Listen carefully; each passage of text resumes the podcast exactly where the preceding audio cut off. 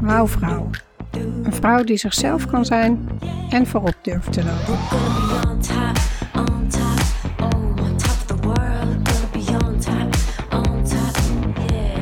Welkom bij de podcast voor ambitieuze vrouwelijke leiders die dicht bij zichzelf willen blijven en leiden vanuit hun hart en intuïtie. Ik ben Hiltje Oude Luttekhuis en ik wil een wereld creëren waarin je vrouw zijn geen belemmering vormt om een leider te zijn. Als huisarts, CEO van een one-woman biz, mama van vier kids en imperfecte feminist houd ik openhartige interviews met vrouwelijke rolmodellen uit de artsenwereld, wetenschap, tech en entrepreneurship. Vrouwen die voorop durven te lopen. Ook inspireer ik je met female empowerment topics om je zelfvertrouwen te boosten, zodat jij ook voorop durft te gaan lopen. Luister mee. Laat je verwonderen en uitdagen om voorop te lopen. Dit is de Wouwvrouw podcast. Laten we een nieuwe revolutie beginnen.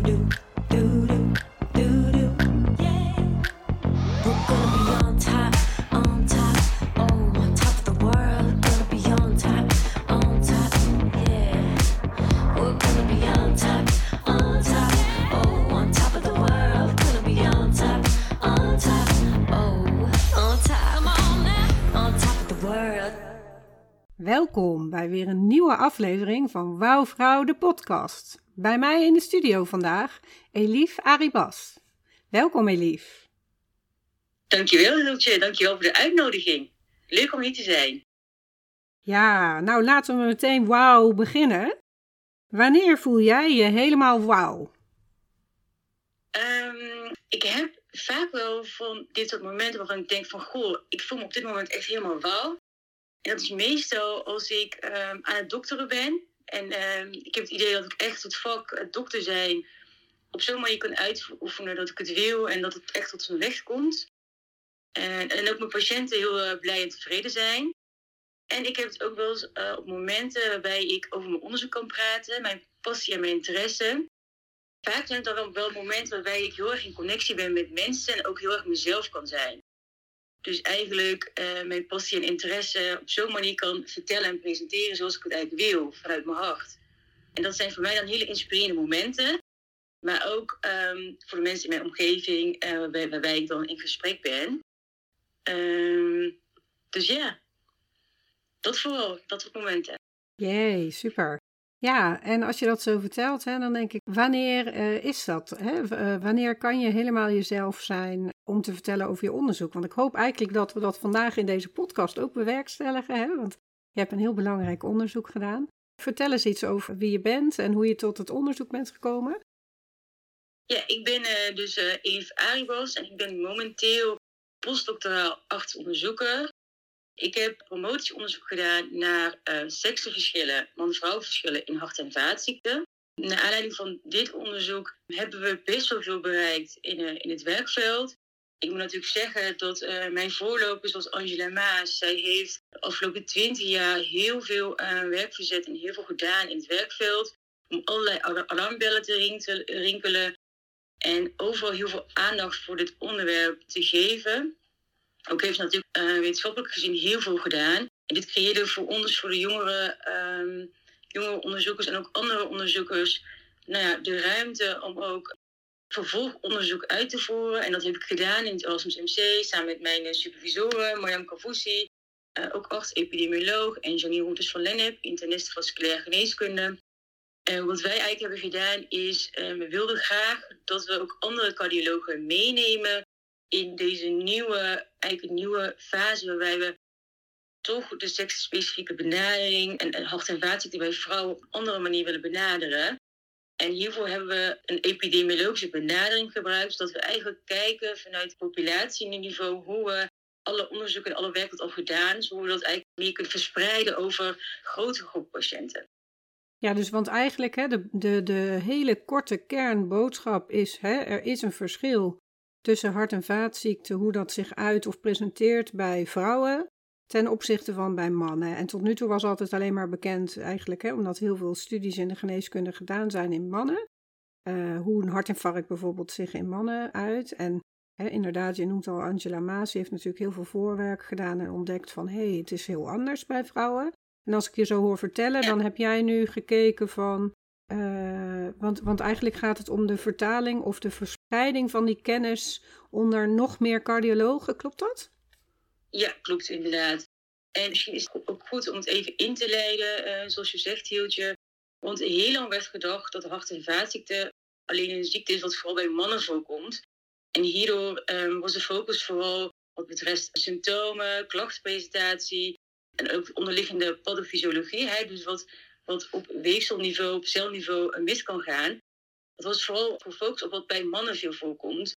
En hierdoor zijn alle preventiestrategieën, dus um, behandelingen en methoden om en vaatziekten te voorkomen, vooral onderzocht bij mannen. En uh, dus nieuw onderzoek met ontwikkeling van nieuwe technieken en methodes heeft toch laten zien dat hart- en vaatziekten ook bij vrouwen belangrijk is. Want in principe komt hart- en vaatziekten bij mannen tien jaar het, in het leven eerder voor. Uh, maar als je kijkt over het hele leven, dan komt het even vaak voor bij mannen als bij vrouwen. Oh, ja. En dit is voorbij de belangrijkste doodsoorzaken wereldwijd. Dus daarom is het heel jammer en eigenlijk onrechtvaardig dat vooral het onderzoek uh, naar behandelingsstrategieën, preventiestrategieën, vooral op mannen uh, is onderzocht. En hierdoor, zoals Angela Maas altijd heeft geroepen eigenlijk, wordt het bij vrouwen heel erg ondergediagnosticeerd. Dus missen we heel vaak hart- en vaatziekten bij vrouwen. En wordt het minder vaak behandeld zoals het zou moeten, zoals de richtlijnen. En ervaren vrouwen ook veel meer bijwerkingen. En als vrouwen eenmaal hart- en vaatziekten hebben, hebben ze ook een slechtere prognose in vergelijking met mannen. Nou, dat, dat, dat kunnen we wel begrijpen als ze minder goed behandeld worden en als het minder goed uh, herkend wordt. Ja. Dus eigenlijk was en is nog steeds de gezondheidszorg die we aanbieden voor vrouwen wat betreft hart- en vaatziekten, misschien ook wel breder in de gezondheidszorg, is het voor vrouwen nog een stuk optimaal. En ik kan er ook misschien aan, alvast aan toevoegen dat het voor mannen ook wel zo is, maar dan kunnen we misschien later terugkomen. En daarom was het heel erg belangrijk dat er meer onderzoek naar gedaan wordt. En dat ook niet alleen de vrouwen die hier geïnteresseerd in zijn, collega-artsen, onderzoekers, ook dat de normale, de gemiddelde cardiologen en andere artsen meekrijgen. Van goh, kijk, er speelt meer dan wat we tot nu toe wisten. En de gezondheidszorg die blijft altijd een ontwikkeling. En met de nieuwe ontwikkeling en nieuwe technieken zijn we eigenlijk achtergekomen dat bij vrouwen de kleine vaten belangrijker kunnen zijn. En dat bij klachten de kleine vaten dit kunnen veroorzaken in plaats van de grote vaten bij mannen bijvoorbeeld. En dit is toch iets nieuws waarbij we werkveld graag daarin hierin wilden meenemen. En er was nog heel veel over bekend. Hè, want uh, zoals ik al zei, uh, bij mannen komt het vaker voor dat de grote vaten in het hart verstopt zitten. Bij vrouwen op jonge leeftijd kunnen de kleine vaten, komt bij hen vaker voor dat de kleine vaten niet goed werken en dat daardoor de klachten veroorzaakt worden. En dan is het dus ook belangrijk om bij vrouwen hier aan te denken. Dit is nieuws. Uh, de technieken die dit kunnen onderzoeken zijn ook hartstikke nieuw. Het is pas in de recente jaren dat het allemaal mogelijk is om dit, dit goed te onderzoeken. Dus daarom is het ook belangrijk om andere cardiologen hier mee te nemen. En heel lang was het niet goed duidelijk hoe vaak het ook voorkomt. Ja. Dus dit hebben we onderzocht. Ik heb alle literatuur hierover doorgenomen, mooi samengevat, om aan te geven van, goh, kijk, zo vaak komt het voor en dit is best wel vaak. Hierdoor zouden dus alle cardiologen hier aan moeten denken. Nou, gezien dit een nieuw, toch wel nieuwe feiten zijn, voor sommige cardiologen een nieuw ziektebeeld, wilden we ook kijken van, goh, wat vinden de gemiddelde cardiologen in Nederland nou? Wat is hun mening hierover? Denken ze hier aan? Staan ze open voor een, bijvoorbeeld een leidraad of een richtlijn hierover? Dus we hebben eerst ook onderzocht, wat is hun mening? En, en doen ze hier, als ze vrouwelijke patiënten zien met klachten, denken ze hier aan?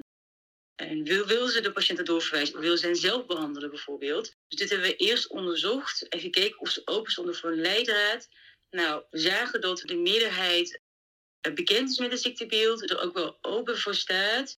De meningen verschilden wel heel erg. Dus sommige cardiologen die vonden dat het um, geen aparte ziekteentiteit is, anderen weer wel. Mm-hmm. Dat wil weer zeggen dat ze er meer of minder in geloven. En uiteindelijk, de hele grote meerderheid was er over eens dat we toch wel echt een leidraad in Nederland hierover nodig hadden. Mm-hmm. En uh, samen met de Nederlandse Vereniging voor Cardiologie, onder andere met Johan Meder, de, de voorzitter van de Nederlandse Vereniging voor Cardiologie, hebben we een, een leidraad ontwikkeld. En dit is toch wel iets heel moois, want het geeft eigenlijk aan dat de grote organisatie voor cardiologen in Nederland aangeeft: kijk, wij staan hier achter en men moet wel echt ook aan het ziektebeeld denken als je een patiënt ziet. Dus dat is een hele mooie vooruitgang geweest, waar we ook wel trots op zijn. Ja, super. Hey, en die leidraad, hè, is die al ergens te vinden online voor mensen? Uh, ja, die is met name uh, online te vinden voor uh, cardiologen zelf. Ja, en moeten ze dan gewoon naar de website van de Vereniging voor Cardiologie? ja, ik weet niet in hoeverre mensen die geen lid zijn van de Nederlandse Vereniging voor Cardiologie toegang hebben tot deze leidraad. Maar het staat wel daar op de website. Ja, nee, maar dan weten in ieder geval hè, de, de cardiologen die dit horen, of iemand die denkt: ik ken een cardioloog die dit hoort, van hé, hey, dit moet ik even melden. En dan, uh, dan verspreiden we zo ook weer een beetje de informatie. Precies, ja. Ja, hey, en dat klinkt echt al als enorme vooruitgang in mijn oren in ieder geval. Hè? Dus, uh, want we raken er al kort even aan hè, dat de zorg in het algemeen voor vrouwen ja, best onder de maat is, omdat er weinig is onderzocht tot nu toe naar bijvoorbeeld relatie met hormonen en ziektebeelden. Omdat het in het verleden, ik bedoel, het is niet altijd onwil. Hè? In het verleden zijn er ook wel ernstige ongelukken gebeurd met, met onderzoek waarbij daar geen rekening mee werd gehouden. Uh, hè, of met medicatie uh, en dat soort dingen. Alleen ja, we moeten een beetje weg van de schrik en kijken hoe we het dan wel hè, kunnen, kunnen onderzoeken. Um, ik ben benieuwd, is er nou een specifieke uh, reden of manier of hoezo ben jij in dit uh, onderwerp beland of hoe is het jouw passie geworden? Uh, dat is een hele mooie vraag, Hilsje. En daarvoor moet ik eigenlijk weer, ehm, weer, een tijdje terug voor mij in de geschiedenis. Want ik ben zelf in Nederland geboren en getogen. Mijn ouders zijn geboren in Turkije. Maar ik ben hier als kind heel opgevoed met het idee: man en vrouw zijn gelijk en we hebben gelijke rechten. Dus zo ben ik opgegroeid. En ik weet nog destijds, kind was, dat het in geboorteland van mijn ouders heel anders was. En daar hadden mannen en vrouwen gewoon niet gelijke rechten. En dat was verschrikkelijk om te zien, want ik zag heel erg dat contrast.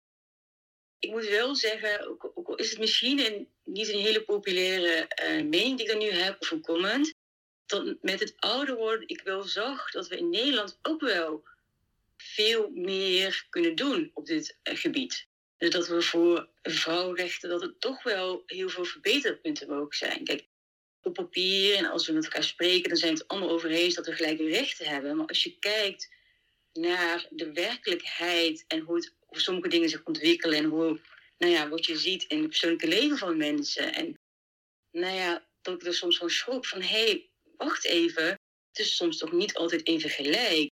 En dat was voor mij wel een hele pijnlijke gewaarwording, moet ik zeggen. Mhm. Omdat ik dus ik, uh, het idee had dat wij in Nederland er eigenlijk, nou ja, als kind van goh, we zijn allemaal gelijk en iedereen heeft gelijke rechten. Dus zodoende raakte ik daarin geprikkeld. En ook tijdens de geneeskundeopleiding bijvoorbeeld uh, merkte ik, uh, er werd bijvoorbeeld gesproken over symptomen van hart- en vaatziekten. Nou, er werd uitgebreid gesproken over typische klachten wat bij mannen voorkomt. En ze vertelden wel heel mooi dat bij vrouwen atypische klachten meer voorkomen. Maar niet hoe dan, waarom en welke klachten. En er werd verder helemaal geen aandacht aan besteed. En destijds was het ook helemaal geen hot topic. Uh, maar zulke dingen prikkelden mij wel. En toen dit onderwerp en dit promotieonderzoek door mijn promotor, Ikram, aan mij werd voorgesteld. En ook met Marjan Kavusi, zij is echt een topper wat betreft uh, onderzoek in hart- en vaatziekten bij vrouwen. dacht ik, nou wauw, hier moet ik echt voor gaan. Want dit is, mijn, dit is eigenlijk mijn passie. Dit is, ik wilde altijd al iets doen voor bevorderen van de gezondheid van, vrouwen. En zodoende ben ik hier uh, in gerold eigenlijk. Mooi, super. Ja. En ook mooi hè, uh, dat het zo persoonlijk is. Ja, ik bedoel, hè, als je intern gemotiveerd bent, dan hou je iets ook vol. Hè? Want uh, nou ja, ik heb zelf ook een promotietraject uh, doorlopen. En je hebt echt wel wat uh, drijfveren nodig om daarvoor te gaan. Um, en, en zodoende natuurlijk ben ik ook mijn podcast gestart. Hè? vandaar. Ja, kijk, een passie hangt voor mij inderdaad ook vaak samen met dingen waar je hart sneller van gaat kloppen. En zo hebben we in deze podcast de vaste rubriek Waar gaat jouw hart sneller van kloppen? Waarbij ik twee uh, woorden naar jou uh, afvuur, als het ware. En dan uh, net als in de, de, vriendenboekjes van vroeger of van misschien kinderen die er nu zijn, vragen we dan welk van de twee jouw hart het snelst doet kloppen. Klaar voor? Ja, ik ben heel benieuwd. Ja, we beginnen altijd een beetje soft, makkelijk, maar misschien is de keuze toch ingewikkeld. Chocola of wijn? Oh, nou, die, die keuze is voor mij heel makkelijk, want ik drink niet. En ik vind het ook niet heel uh, lekker, uh, wijn of alcohol. En uh, nou, chocola is ook wel een van mijn passies hoor. Dus ehm, zonder twijfel chocola. Alle smaken of... In alle vormen en maten. Altijd welkom. Oeh, lekker. Nou, een boek of een podcast? Um, een boek. Ik ben echt verliefd op boeken. Ja, wat is het mooiste boek wat je recent hebt gelezen? Oh, Heb je er nog tijd voor gehad? Nee, één uitkiezen. Nee, oké. Okay. Uh, mannen of vrouwen? Beide, moet ik zeggen. Mm -hmm. No rules, hè? er zijn geen regels. Je hart of je hoofd? Een bioscoop of Netflix? Uh, bioscoop. Angela Merkel of Jacinda Arden? Uh, Jacinda. Quota of natuurlijke groei? Uh, ik denk toch quota. Mijn hart zou zeggen natuurlijke groei, maar ik weet dat het niet, de omstandigheden dat niet altijd nou, nou ja, daarvoor lenen. Dus dan de quota. Ja, daar, uh, daar sluit ik me ook wel bij aan. Er zijn voor's en tegens, maar we willen gewoon ook wat sneller vooruit. Hè? Hey, um, Elief, op welke manier volg jij je hart? Eigenlijk in uh, alles wat ik doe. Soms denk ik wel eens dat ik het minder moet doen. Uh, minder mijn hart volgen. Want je kan soms als je je hoofd volgt toch wel sneller, misschien efficiënter bereiken wat je wil. Maar ik heb zelf heel erg het idee, als ik mijn hart volg, dat ik doe wat, ik, uh, wat mij drijft en wat mijn passie is, dat ik toch verder kom. Want ik ga toch, hè, in alles wat ik doe, wil ik graag, is mijn doel dat ik verandering, een verbetering in de maatschappij en de gezondheidszorg voor, wil zorgen. En daarvoor moet je soms toch, um, toch iets meer, iets uitgebreid, iets completer je werk doen. Of je project bijvoorbeeld opzetten. In contrast tot, ja, als je snel tot een publicatie wil komen bijvoorbeeld. En uh, nou, resultaat wil behalen, dat kan. Dan heb je heel snel een aantal publicaties. Maar wat bereik je er dan mee? -hmm. En dan helpt je hart om meer in die verbinding te komen. Ja, dan, dan doe ik, als mijn hart zorgt, gewoon, zorgt ervoor dat ik doe wat, uh, wat, ik, wat ik wil en waarom ik het doe. Mm -hmm. Dan zorgt het er misschien wel voor dat ik misschien iets minder publicaties heb. Maar uiteindelijk bereik je wel meer in, in het werkveld en in de maatschappij. Ja. Dat, dat is wat ik vooral heb. Nou, dat is ook wel belangrijk, hè? misschien om te vermelden dat uh, voorheen was altijd het belangrijkste wie de meeste en de, in de beste tijdschriftenpublicaties had. Maar vanuit de, de wetenschappelijke beroepsgroep is ook wel steeds meer de, de hang naar van wat betekent, wat is het maatschappelijk belang hè, van publicaties en van onderzoek. En dat daar nu Ja. ook naar nieuwe weging is, als het ware, van eh, ja, hoe belangrijk of hoe goed een onderzoeker is op die manier. Ja. Ja. Ja, klopt inderdaad. Mooie vooruitgang vind ik ook. Ja. Hey, en ehm, kan je nou nog eens wat dieper ingaan op jouw, hè, die specifieke bijdrage aan een betere gezondheid voor vrouwen, wat jij in jouw onderzoek hebt ontdekt? Kan je nog eens wat dieper op ingaan? Van wat heb je tot nu toe ontdekt en wat, wat is belangrijk om daarover te weten voor ons als vrouwen? Ja, wat, dus, wat mijn onderzoek heeft opgeleverd eigenlijk voor patiënten Ja. en voor, nou ja, voor verschillende betrokkenen in het werkveld. We hebben best wel een uitgebreide en complete aanpak eh, gebruikt om het werkveld vooruit te brengen. Ik heb eerst gekeken naar hoe vaak nou eh, dus schade van de kleine vaat in het hart, wat vaak voorkomt bij vrouwen, hoe, hoe vaak dat nou voorkomt bij patiënten die langs de, bij de cardioloog in het ziekenhuis komen. En omdat het best wel vaak voorkomt. En dat cardiologen dus eigenlijk bij alle patiënten die langskomen, toch deze aandoening moeten overwegen, zouden moeten overwegen. Kan je Dat eh, concreter maken van hoe vaak het ongeveer voorkomt? Ehm, nou, dat, dat is lastig, want je hebt verschillende definities en je Ja. eh, deze aandoening in verschillende groeperingen plaatsen. En het is ook weer afhankelijk van in welke populatie, welke groep je eh, naar deze aandoening kijkt. Maar het komt, het komt heel vaak voor. Ja. Kan wisselen tussen 20 en 50 procent eigenlijk. afhankelijk van hoe je de definities gebruikt. Ja. En dat zijn dus eigenlijk de vrouwen die echt eh, pijn op de borst klachten hebben, moet ik dat zo zien? Eh, dat kunnen verschillende klachten zijn. Eh, bij vrouwen kunnen ook atypische klachten voorkomen. Dus dat is, dat is anders dan bij mannen. Ja. Ehm, vrouwen persisterende aanhoudende klachten hebben, ehm, is het belangrijk om ook aan deze aandoening te denken. En zoals ik al zei, ehm, ik noemde een getal tussen 20 en 50 procent. Maar het is als je kijkt naar de hele spectrum. Dus je kijkt naar verschillende aandoeningen en ook spasmen van de grote vaten bijvoorbeeld. Mhm. betekent niet dat je altijd bij deze vrouwen invasieve metingen moet gaan doen. Dat weer niet. Je kan deze vrouw ook beginnen met behandelen zonder daar risicovolle eh, metingen te doen. Ja, ja.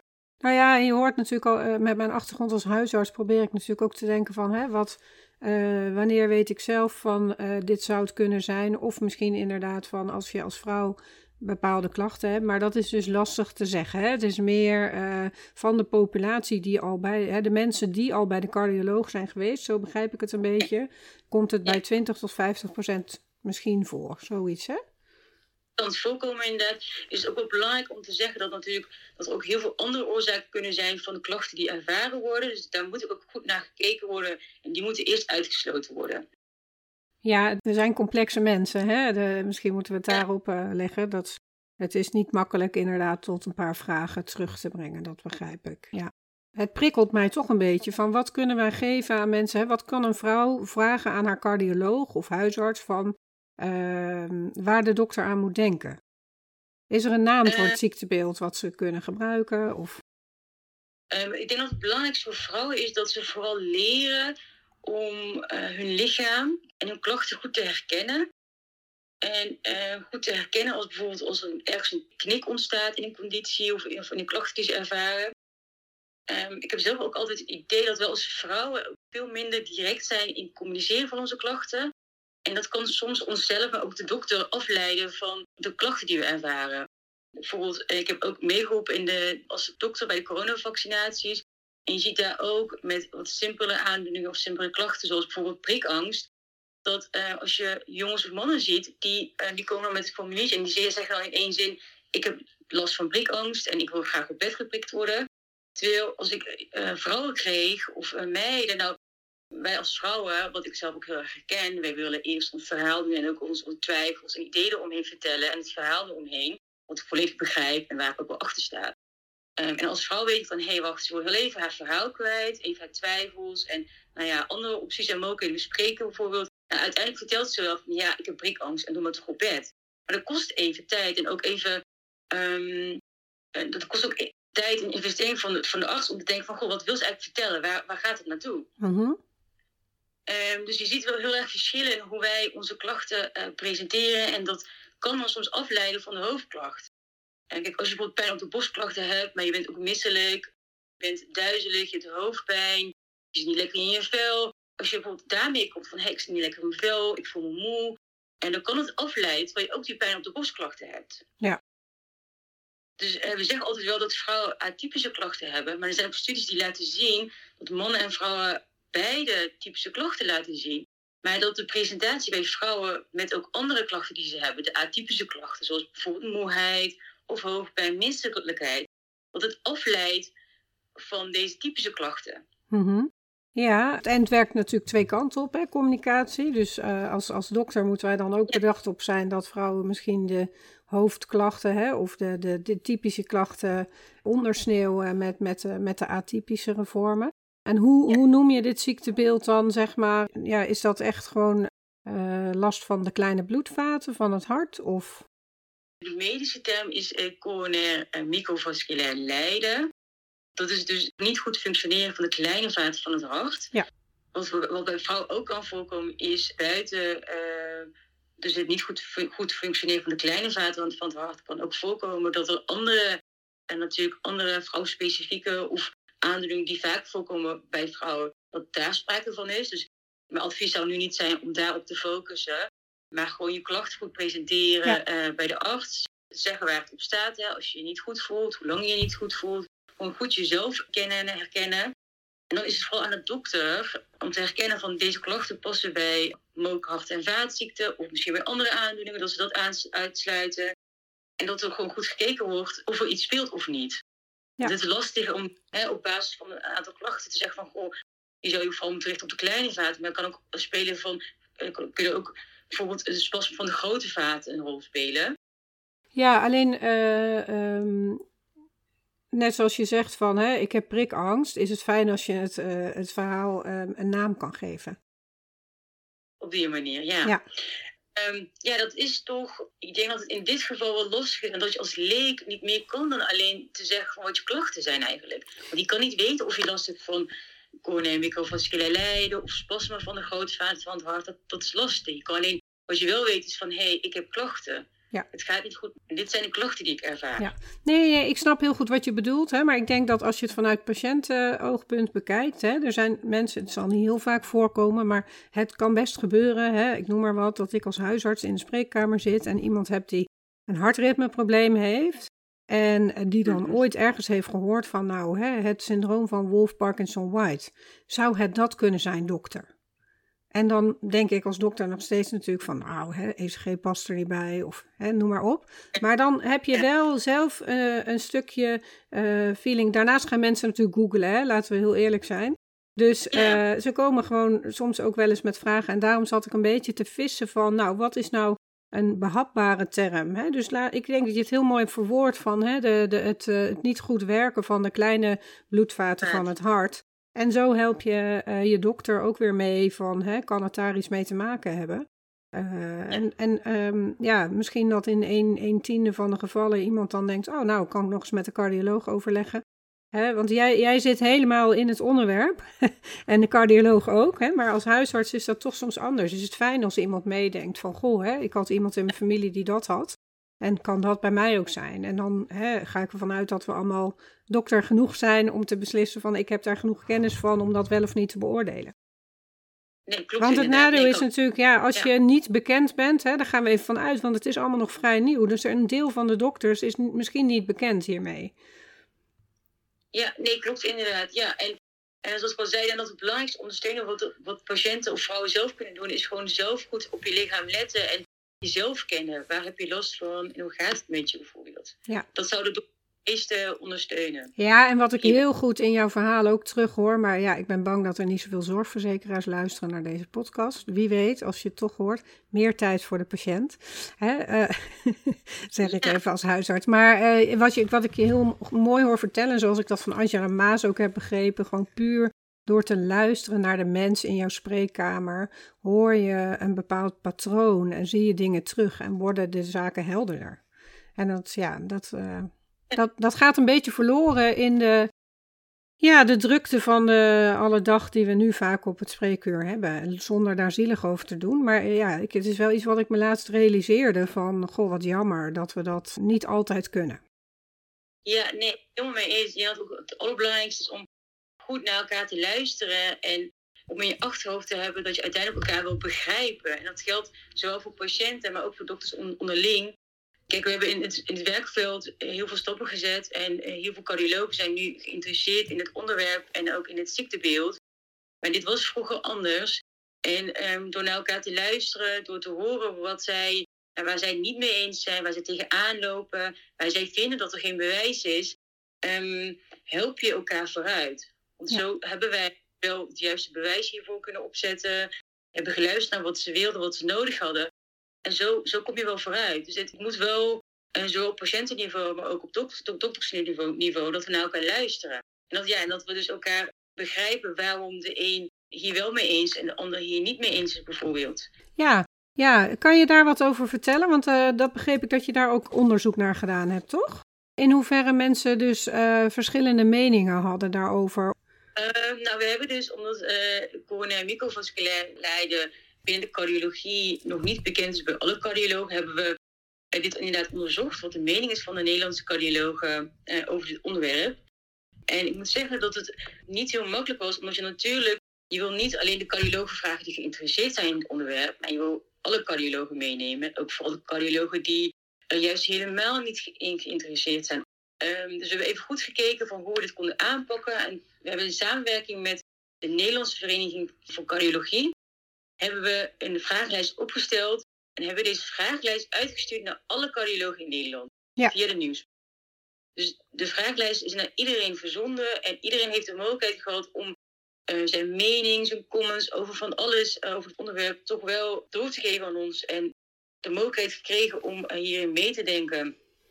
En dat, dat, ik vond het wel een hele mooie kans die we hebben gecreëerd. En zodoende kregen we ook allerlei nou ja, berichten, comments, meningen binnen. Van wat ze nou vinden, wat ze missen. En wat ze nodig hebben. Mm-hmm. Dus dat is wel een mooie stap geweest, inderdaad. En, en kan je daar een conclusie aan verbinden aan wat er nodig is? Of wat ze nodig hebben? Ja, nou wat we zagen is dat we zagen verschillen in meningen. Hoewel de meerderheid van de cardiologen het wel mee eens was dat uh, dit ziektebeeld bestaat en dat het meegenomen moet worden in de kliniek als je een patiënt ziet. Uh, we zagen wel dat in de management noemen we dat, dus hoe je wie de, uh, wie de zorg neemt over de patiënt, waarbij aan dit ziektebeeld wordt gedacht. Dat hoe hiermee wordt omgegaan verschilde. Sommige cardiologen wilden het graag zelf doen. Sommigen wilden ze graag doorsturen naar experts binnen de field. Dus we zagen daar wel verschillen in. En de cardioloog gaf ook zelf aan dat ze een leidraad of een richtlijn hierover misten. En dat er, dat er heel veel onduidelijkheden waren en verschillen over hoe men omging met dit ziektebeeld. Ja. Maar ja, super mooi hè, wat je daar straks al zei, dat die leidraad er dus ook is. Ja, die is er uiteindelijk. En dat, dat was, ik vond het zelf ook een hele mooie vooruitgang.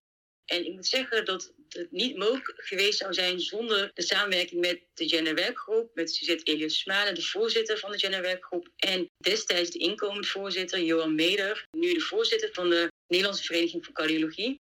Mm hey, en wat is nog een ander belangrijk punt wat er uit jouw onderzoek naar voren is gekomen? Ik moet zeggen dat er heel veel interessante dingen naar voren zijn gekomen. Mm En met name omdat um, ik heb samen met collega's natuurlijk dit onderzoek opgezet op basis van wat wij dachten dat nodig was in, uh, in de wetenschappelijke arena, wat we misten en wat wij niet begrepen. Ja. Daardoor zijn er heel, heel uh, interessante en belangrijke bevindingen naar voren gekomen. Het komt soms wel eens voor als je een promotietraject begint, natuurlijk dat de projecten ook klaarstaan en dat we eigenlijk dat je er maar weinig zelf uh, in kan sturen. Maar in mijn geval, binnen mijn onderzoek, hebben we vooral het project opgezet op basis van wat er nodig was in de klinische, in de klinische praktijk, maar ook in de wetenschappelijke uh, arena. En een van de belangrijke bevindingen vond ik zelf dat. We hebben bijvoorbeeld onderzoek gedaan naar de effect van hormonen op schade van de kleine en grote vaten. Dan heb je het over de vrouwelijke hormonen, of niet?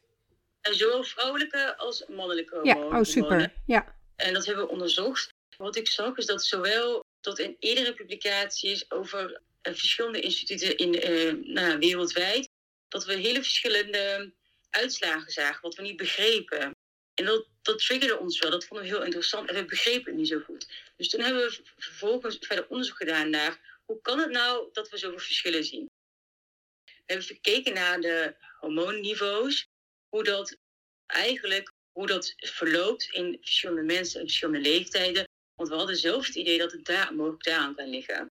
En dat is wel heel interessant dat uh, we eigenlijk tot heel recent eigenlijk dat daar niet heel goed onderzoek naar gedaan is. En wat wij vonden is dat er is een um, hormoon bindend eiwit, dat noemen we ook wel SHBG. Dat bindt hormonen en dat zorgt ervoor dat uh, sommige hormonen op non-actief worden gezet. Dus dat kan eigenlijk het vrouwelijke en mannelijke hormoonniveau kan het beïnvloeden. Het is wel een heel belangrijk hormoon. En wat wij vonden is dat de patroon die je ziet van dit hormoon met het ouder worden voor mannen en vrouwen totaal anders is. Ja, van dat SHBG. En, ja, van het SHBG inderdaad. En dat is toch wel een belangrijke bevinding, want dit, want we zagen bijvoorbeeld dat bij het een je een, wij noemen dat een U-shape, dus je ziet dat het eerste hormoonniveaus dalen en vervolgens omhoog gaan. En bij mannen zagen we een, eh, een stijgende lijn. Um, dit zijn wel totaal verschillende niveaus. En als je kijkt op verschillende leeftijden, kan het voor hele verschillende resultaten leiden. Dus uh, we hebben uiteindelijk dus wel een van de oorzaken gevonden waarom men wereldwijd verschillende resultaten vond. Zo, wauw. Tussen vrouwen, maar ook tussen, uh, nou ja, voor vrouwen onderling. En dat is zo'n belangrijke bevinding geweest. En ook toch wel heel interessant dat dit niet eerder zo is onderzocht en naar voren is gekomen. Ja, super mooi. Dat je dan zo weer helemaal je eigen uh, ja, stuk daarin kan vinden en, en het echt verder brengt. Hè? Uh, op een ander niveau, hoor ik. Ja. Ja, klopt inderdaad. En wat wij ook hebben gedaan is, want we praten heel veel over schade van de kleine vaten. Echter weten wij niet zo goed hoe deze schade zich ontwikkelt en wanneer het begint en ehm, hoe dat zich ontwikkelt in relatie tot de grote vaten bijvoorbeeld. Wat begint eerst, beginnen we eerst met schade ontwikkelen van de kleine vaten en dan met het verder vorderen van de atherosclerose bijvoorbeeld ontstaat er dan pas schade in de grote vaten. Dat was nog heel erg onbekend. Um, dus wat ik ook heb gedaan met mijn onderzoek is kijken hoe uh, kleine vaten zich eigenlijk ontwikkelen. Hoe de groei verloopt, hoe de ontwikkeling verloopt en hoe het, proces, het verouderingsproces verloopt. Mm En we hebben hiervoor een marker gebruikt voor schade van kleine vaten. Dat hebben we gedaan door de kleine vaten in het oog te bestuderen. Je kan het doen door naar de diameter te kijken. En wat we zagen is dat eigenlijk de diameter uh, van deze kleine vaten, wat dus een maat is voor schade van de kleine vaten, tot het vanaf kinderleeftijd verandert. En het kan een aanwijzing zijn dat de schade van de kleine leeftijd eigenlijk op kinderleeftijd kan beginnen, ontwikkelen en kan opstapelen. Um, dit is wel natuurlijk één studie en het zou nog verder onderzocht moeten worden in andere studies. Maar het is wel een mooie aanwijzing dat laat zien hoe schade van de kleine vaten kan ontwikkelen. Mm en, uh, want je noemde daar straks hè, heel even aan het begin al van dat dat dan ook, een, ik weet niet meer niet, niet wat, want daar zou je nog wat over vertellen, wat, dat het ook belangrijk is voor mannen. Uh, ja, kijk, we zijn natuurlijk begonnen uh, met onderzoeken van en het vooruitbrengen van de gezondheidszorg voor vrouwen. Omdat we het idee hebben en vinden dat het bij vrouwen vooral achterloopt. Maar als je deze aanpak gebruikt en je kijkt goed naar wat de verschillen zijn, dan heeft het niet alleen betere gezondheidszorg op voor uh, vrouwen, maar ook voor mannen. En ik vind het altijd leuk om daarvoor uh, simpele voorbeelden te geven. En dan ga ik weer terug even naar mijn werk als uh, vaccinatiedokter, waar ik dus uh, aan heb meegeholpen. En ik heb ook heel veel onderzoek gedaan naar hoe dingen zich ontwikkelen met leeftijd en leeftijdsspecifieke aandoeningen. En wat ik zag ook op de vaccinatievloer is, kijk, we weten dat uh, prikangst vaker voorkomt bij uh, jonge meisjes en bij vrouwen met name. Maar er is ook een groep mannen, en dat was zo uit mijn hoofd tussen zo eind 30 en mid 30, waar het ook vaak voorkomt. maar daar waren we eigenlijk helemaal niet goed op voorbereid. En ik heb er ook wel een leuke anekdote over, want ik kwam op een zaterdagochtend op de vaccinatie ik was iets te laat.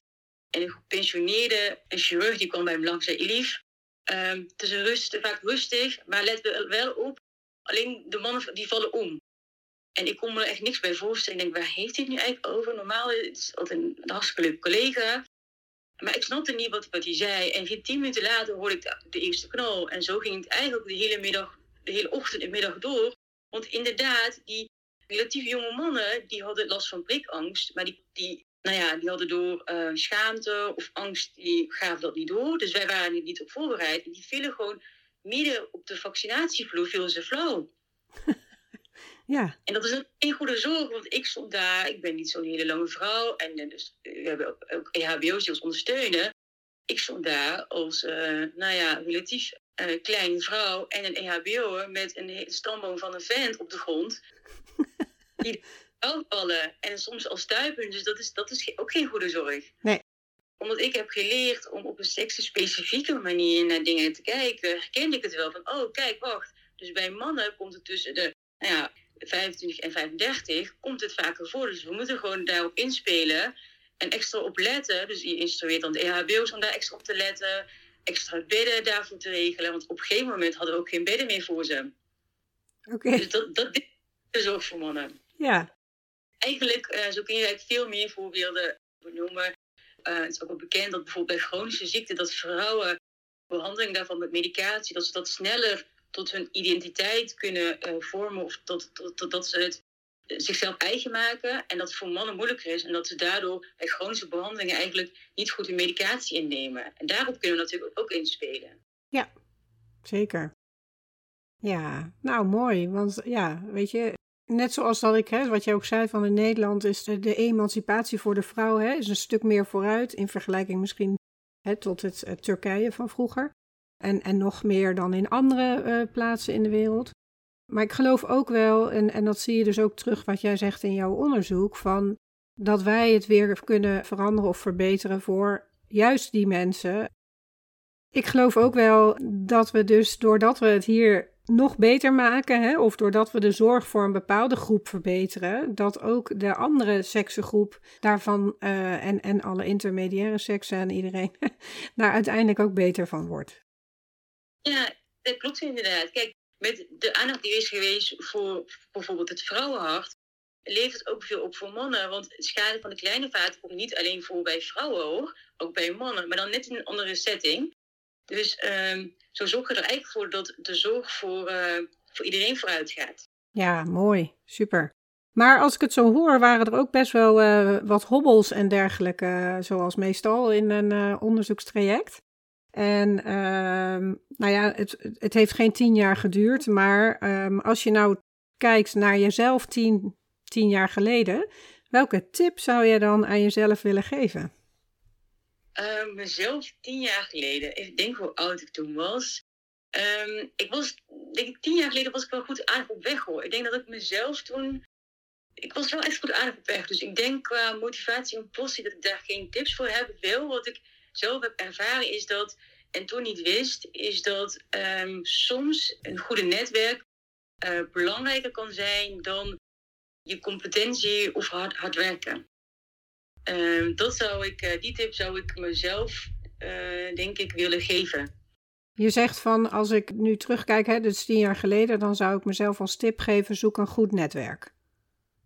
nou ja, niet per se zoek een goed netwerk, maar dat ik me wel realiseer van, goh, als je leuke mensen ontmoet, die jou inspireren en jij inspireert hen, dat je zo ook heel veel dingen kan bereiken. En dat het niet alleen met heel hard werken of puur je, ehm, je kwaliteit en competentie is. Ja, mooi. Nou, dat sluit ook aan bij met het doel wat ik voor ogen heb met deze gebooste versie van uh, Wouwvrouw de podcast. Namelijk ook om meer uh, sisterhood of verbinding met andere vrouwen terug te brengen. Hè? Want ik heb ook al eens eerder in deze podcast gesproken over dat heel veel maatschappelijke structuren wegvallen. Dus um, de wijkagent, de, de, de, buurt, de wijkverpleegkundige, de, de priester, de pastoor. Um, dus je hebt weinig uh, community structuren. Terwijl uh, zeker als vrouwen zijn we van oudsher gewend om veel dingen samen te doen. En nou, als mensen zijn we ook community uh, met, ja, wezens, denk ik. En ik ben eigenlijk wel benieuwd op, wel, benieuwd op welke manier jij sisterhood, of, of als dat die term je niet aanspreekt, hè, maar verbinding met andere vrouwen in je leven, hoe jij dat vormgeeft. Of hè, hoe je dat ziet. Ja, ik doe dat op verschillende manieren.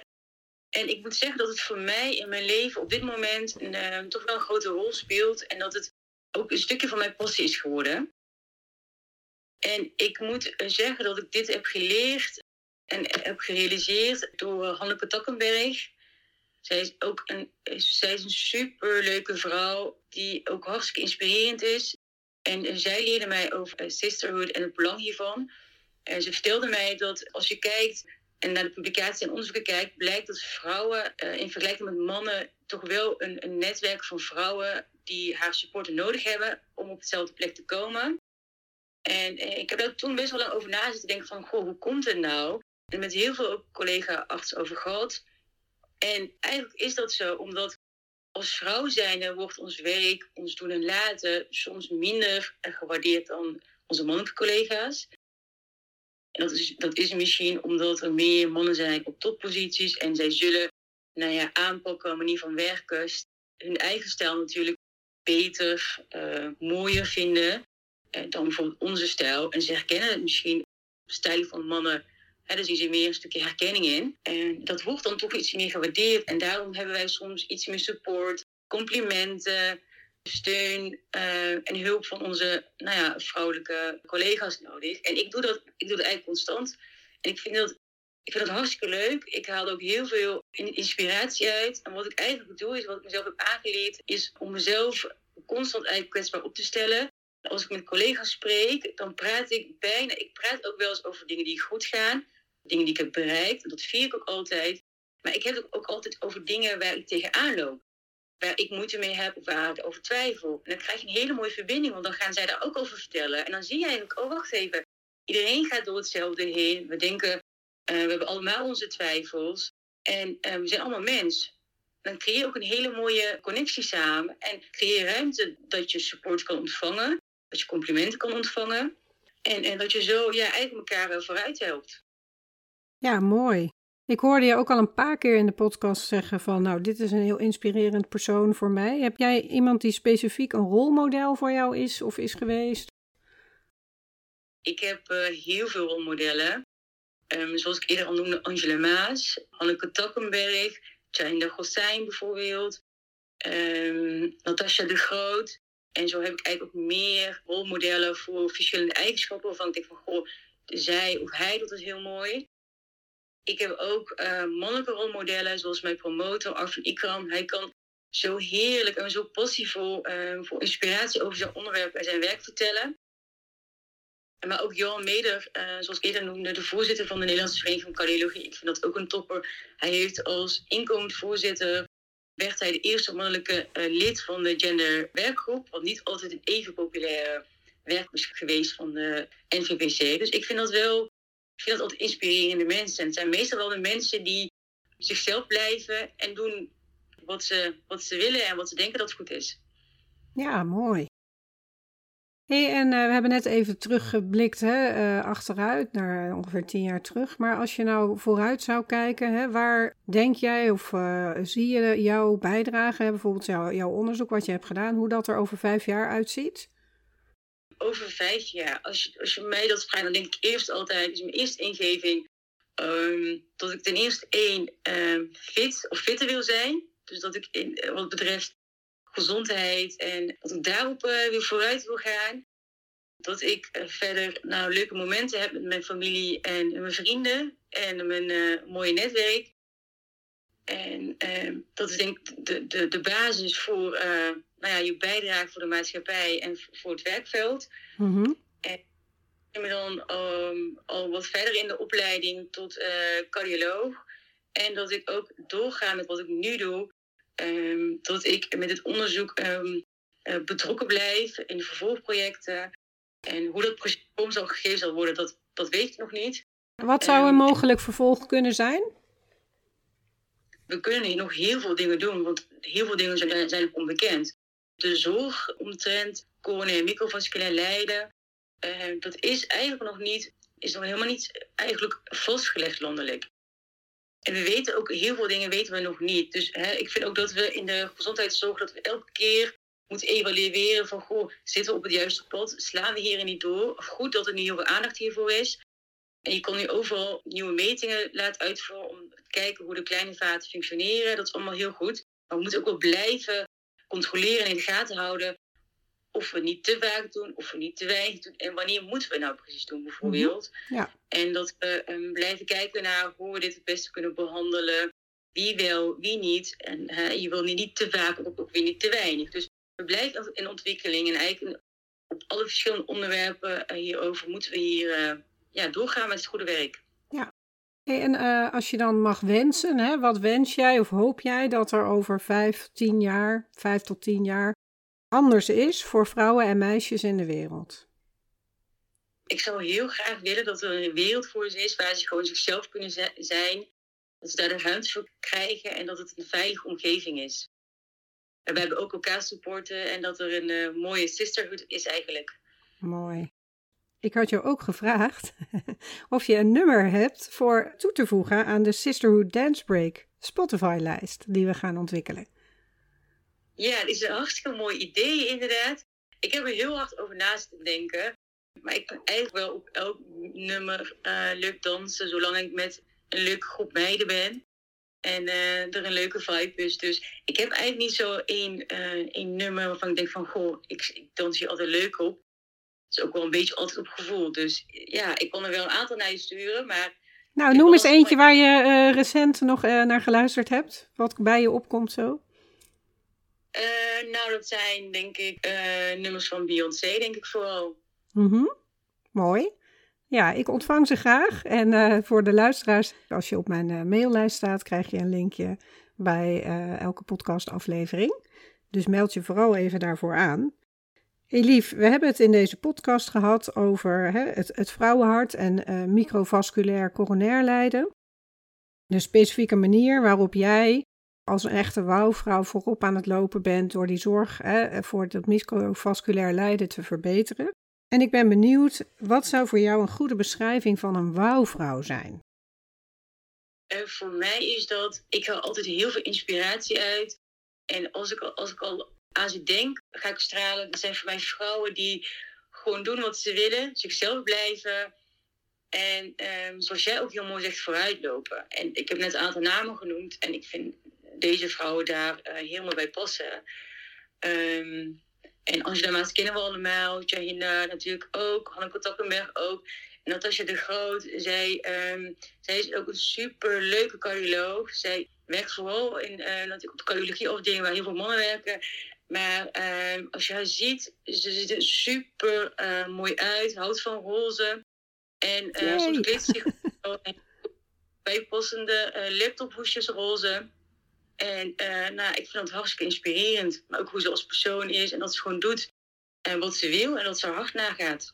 Mooi. Ja, super.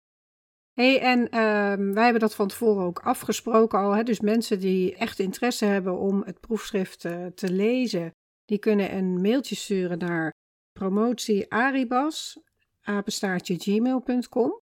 En uh, we hebben ook afgesproken dat iemand die het mooiste inzichten uit dit verhaal weet te delen op LinkedIn, die krijgt een uh, gedrukt exemplaar van het proefschrift van Elif. Deze podcast komt uh, online de dag waarop Elif ook haar promotie zal verdedigen, zoals dat heet. En um, ja, dus in die week daarna deel je inzichten over, uh, over het proefschrift, over deze podcast. En vergeet ons dan daarin niet te vermelden. Dan maak je kans om een gedrukte versie van het proefschrift uh, toegestuurd te krijgen van ons. Elief, mensen die met jou in verbinding willen komen of uh, meer zouden willen weten, waar kunnen die jou het beste vinden? Ze kunnen me op LinkedIn vinden door te zoeken op mijn naam. Ja, en dat is E-L-I-F A-R-I. Ja. B-A-S. Ja, A-R-I-B-A-S inderdaad. Mooi, super. Ben ik nog iets vergeten? Zijn er dingen waarvan je zegt, nou, dat wil ik absoluut nog even toevoegen? Uh, nee, ik denk dat het een, een, hele mooie en complete interview is geweest. Alleen wat, wat ook mijn passie is, um, is dat ik zo graag wil meegeven dat we als vrouwen elkaar veel meer moeten ondersteunen en supporten. En dat we vooral vriendelijk en aardig tegen elkaar, tegen elkaar moeten zijn. En dat we dan een hele mooie magie kunnen, kunnen krijgen, een mooie flow in wat we allemaal met, elkaar kunnen bereiken. Dus dat zou ik heel graag willen meegeven. Ja, supermooi. Ik sluit me daar helemaal bij aan. En als je op de website wouwvrouw.nl eventjes zoekt, waarschijnlijk onder het kopje ongetemd, dan vind je daar een uh, link om je aan te melden voor de videoserie Ongetemde Vrouw, waarin ook een hele mooie oefening zit voor uh, het creëren van sisterhood in jouw leven.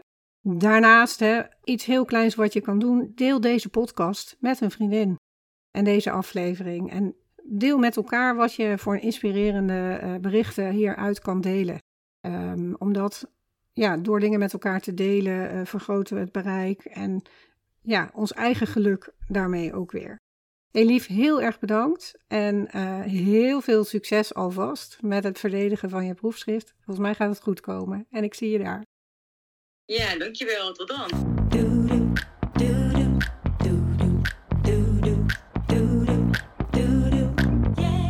Wauw, geweldig dat je deze week weer intunede op Wauwvrouw, de podcast. Ik ben heel nieuwsgierig wat je inspireerde of welke inzichten je uit deze aflevering haalt. En stuur me natuurlijk absoluut een bericht als je acties onderneemt om voorop te lopen. Ik ben je grootste cheerleader. Leuk om te connecten. Op LinkedIn kun je me vinden als Heeltje Oude Luttekhuis. Ik weet het, een hele mond vol. Ik sta meestal bekend als die dokter met die moeilijke naam. Maar als je begint met Heeltje, H-I-L-T-J-E, dan verschijnt de rest vanzelf. Op Instagram vind je me als Wouwvrouw. Dat spel je met W-O-W en dan vrouw. Ben je enthousiast geraakt door de informatie in deze podcast, maar vraag je je af hoe je dit nu voor jezelf gebruikt? Dan heb ik iets heel tofs voor je. Om het beste uit deze podcast en jezelf te halen, heb ik een podcast inspiratiepagina gemaakt. Samenvatten en concretiseren op 1 A4'tje. Je kunt deze tool downloaden via www.wouwvrouw.nl slash podcast. Helemaal gratis en gegarandeerd verdieping die je ook kunt inzetten bij andere content, cursussen of congressen. Vind je deze podcast interessant en ken je iemand anders die wel een empowerment boost kan gebruiken? Deel dan deze podcast of de aflevering die je net luisterde met je collega's of vriendinnen. In de meeste podcast-apps kan dit door op de drie puntjes te klikken en delen te kiezen. Een shout-out op social media is natuurlijk ook hartstikke welkom. Steun je de missie om meer vrouwelijke leiders aan de top te krijgen in de medische wereld, academia, tech en corporate? Boost dan deze podcast door een review achter te laten. Dat is heel eenvoudig. Klik in de podcast-app waarmee jij luistert op reviews. Klik op het aantal sterren dat je wil geven en laat als je zin hebt ook een geschreven review achter. Super bedankt! Om dingen te veranderen heb je mensen nodig die voorop durven te lopen. En ik weet zeker dat jij dat in je hebt. Wonderlijke wouwvrouw, vergeet niet dat je een prachtig mens bent. Bedankt voor het luisteren.